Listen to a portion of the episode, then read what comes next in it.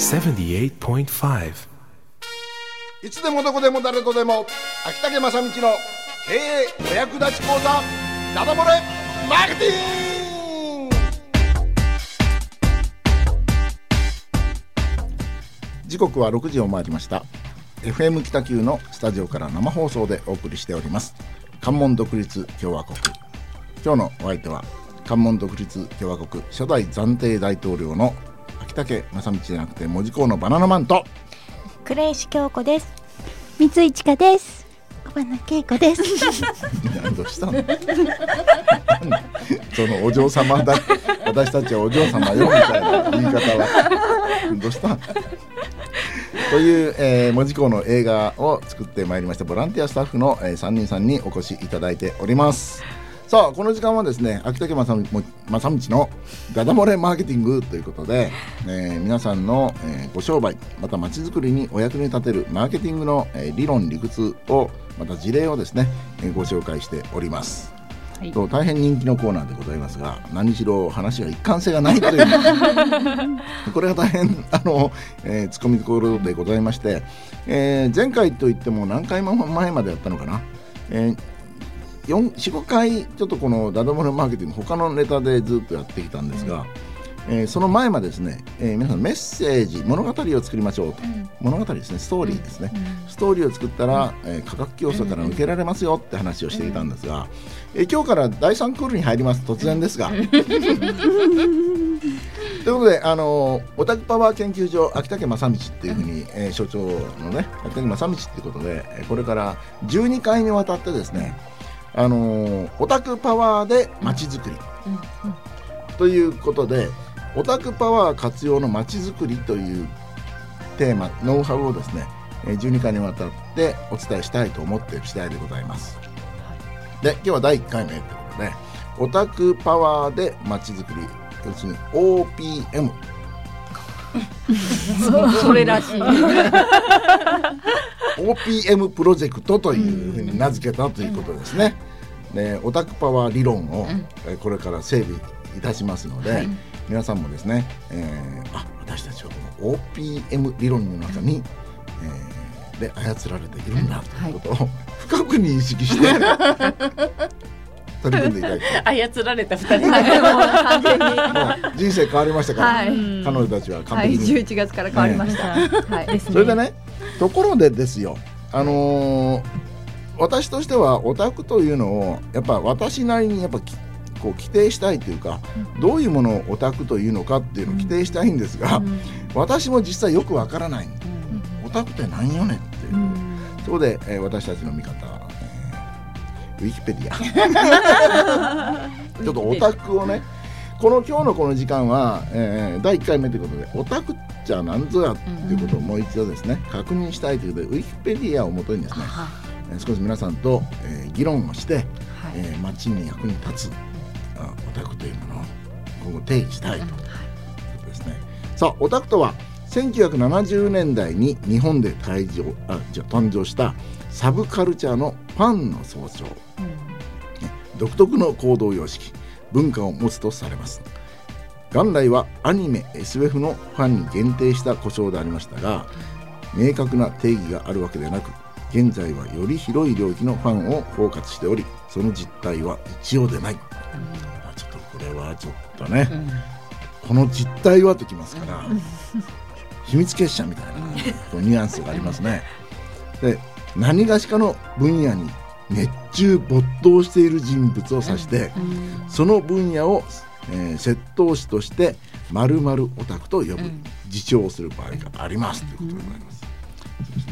そうですねもうでも結構最近はねあの昔オタクといえば人から言われることが、最近自ら名乗りますからね、私は何々オタクです、そオタクオタクっていうのは、うん。多分それに対して知識を持ってるっていう人が、うん。そそれを言いたいがためにね、その知識持ってるっていやらしいじゃないですか、うんうん。だから反対にね自分を下げして、オタクって言っちゃうんじゃないあの？波の人じゃないよ私みたいな私、ちょっとオタクだから、そうそうそうそう。そう。で本当は知識持ってんだよって言いたいけど、それは言えないからちょっと私オタク入ってるかもみたいな。あんまり軽々しく振らないんだよ。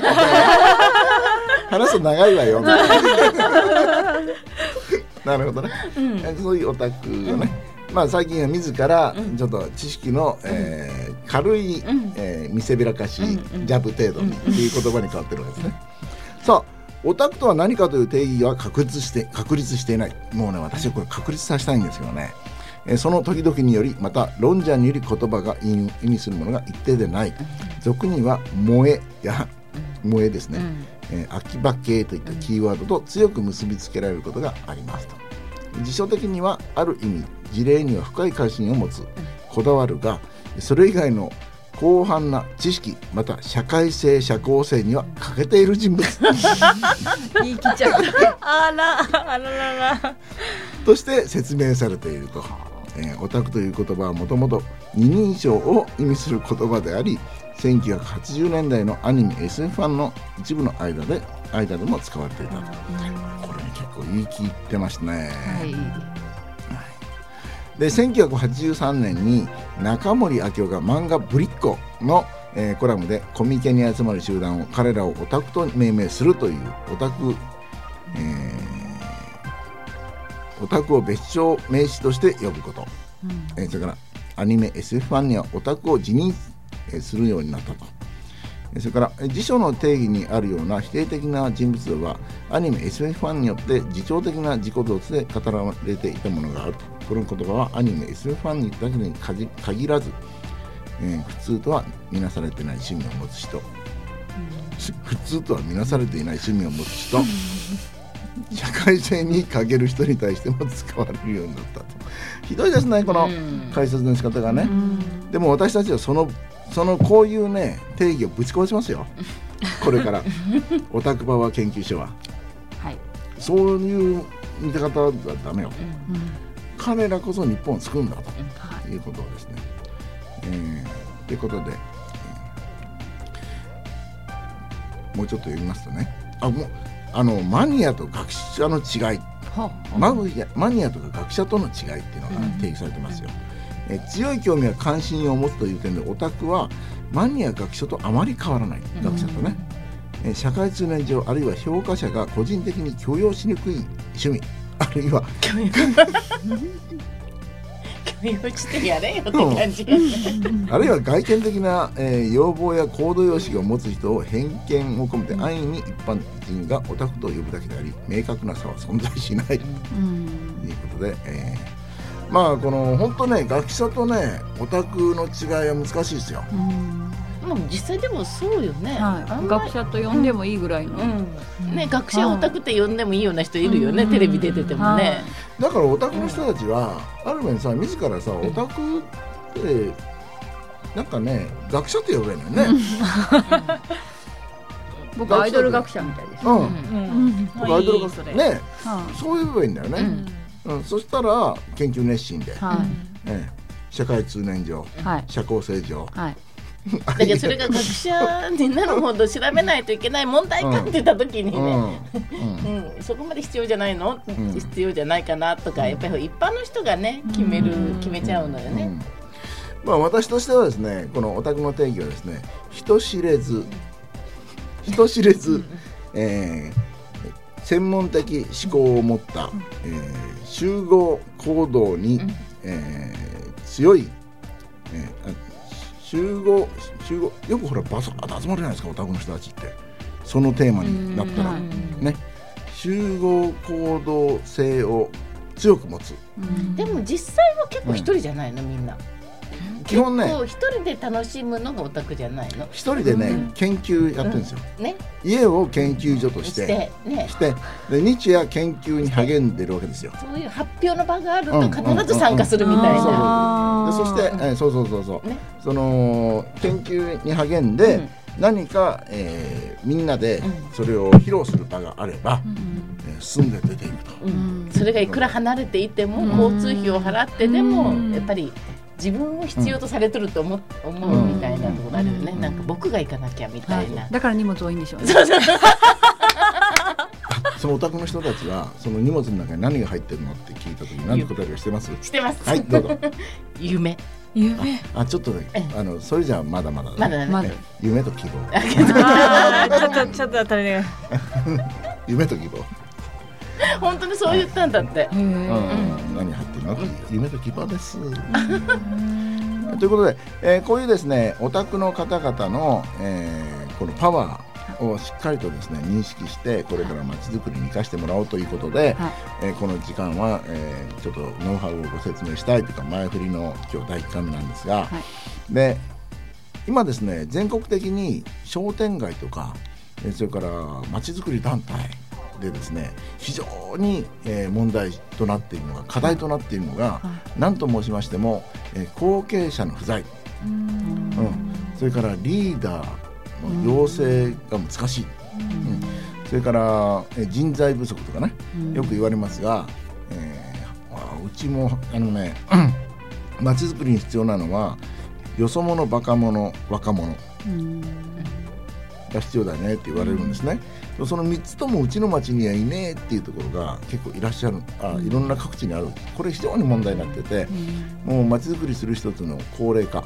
えこれ問題になってます、えそれをですね今そういう世の中の中で実は若者たちがどんどん集まって町を盛り上げてるというえそういう地域が存在するんですね、それが何を隠そう関門地区にある門司港という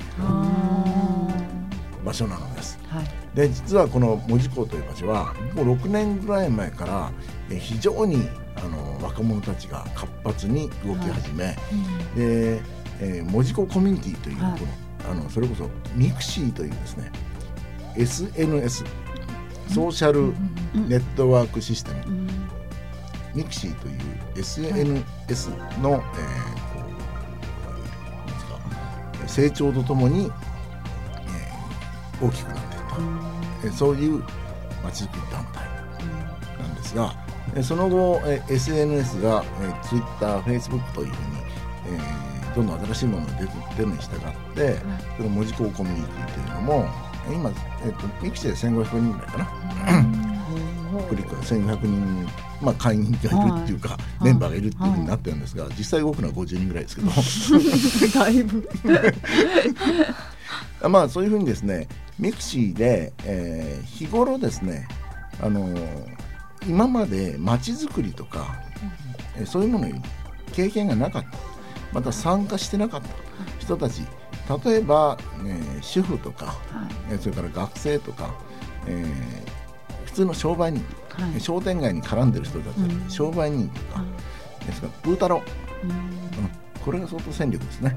プータローとか、えーの方々が、えー今その門司港の活性化要するにメンバーとなり、えー門司港の活性化を行っているということですのでそういう事例がございます。えーその秘密をですね、えー体系化いたしましてノウハウとしてこの番組で12回にわたってお伝えしたいということです。えーぜひですね、あのー今いろんなですねえー商店街とか、えー、街づくり団体で聞かれますよこういう話がもうねこうなんかしようと思うたら上の人から反発されるとか、潰されるとか、なんかしようと思ったら邪魔されるとか、でそれから、えーなんかしようと思っても人がおらんとか、うん。それから世の中補助金が減ってしもたとか言われますね。はい。でこの実はこのオタクパワーつまり門司港コミュニティというのはまさしく、えー最初はですね、まあ、ネットオタクと言われてました。ね、ミクシーとかから集まってしかも匿名で集まる場所じゃないですか。だからネットオタクが集まって何ができるんだこの子羊さんたちがと言われてたのね、うん。そのネットオタクの中には実は、えー鉄道オタクがおったり古い建物オタクがおったりそれから今回の映画オタクがいたり演劇オタクがいたりそれから、えー和服着物のオタクがいたり。そしてその中にもっと強烈なもっと強烈がまあえー、街づくりに絡む文字工オタクっていうのがねいるわけでございます。でこれからお伝えするノウハウは全国各地にいろんな団体とかそれから街の課題を解決しなきゃいけないことがあると思うんですがまずはネットオタクの中からその土地の例えば文字工オタク例えば呉だったら呉オタクね。それから新潟だったら新潟オタク、うん。えー博多だったら博多オタク、えーこういう博多のことが好きで好きでその土地のことが好きで好きでしょうがないとうん。いう人たちを発掘しうん。そんそしてまた、えーその中でもえーいろんなえー趣味の分野でのオタクをきちんと、えー認め、えー生かして活用して、えー生き生きと街づくりをしてもらおうというそういうのでございます。いいかね いいです。そういうので。そういうのでいいです。これはね、あのなんだかんだ言っても相当ね各地のねきっとあのー地域の方々は、あのー非常に斬新な方法で、うん。もう今まで商工会とかねそれから商工会議所商工会青年部とかね、えー、とそれから青年会議所、えーそれからロータリーとか、えーライオンズとか、えーそれから民生委員とか、えー市民センターとか、えーなんとか協議会とか、とはもう全く別の組織作りになりますので、えーしかもあの非常に、えー広報伝播力を持つ。今回のあの、あれ面白かったのがあのん。掃除があったじゃないですか、トロッコ列車の倉庫の掃除、はい。草刈り、ああよかったですよね。よかったでしょ？2日前だったかな、うん。あのー倉庫の草刈りをどうしてもしないといけないと、うん。でちょっと誰か手伝ってくれませんか？の本当にね、うん。あのコミだけでふあの投げかけたらはい。7人？うん、7人嫌いですよ、1日かかるところが3時間で終わったね、うん。みんな自分で道具を持ってきてうん。軍手を持ってきて何もで一銭も交通費も出ないのにすごいよね。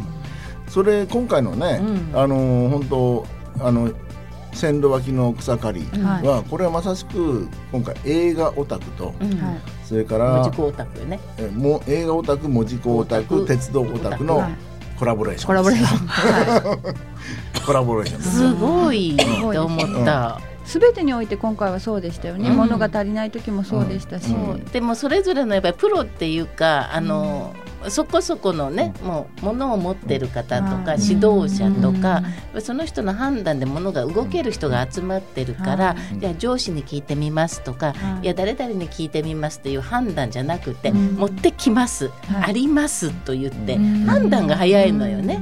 これがあの、うん。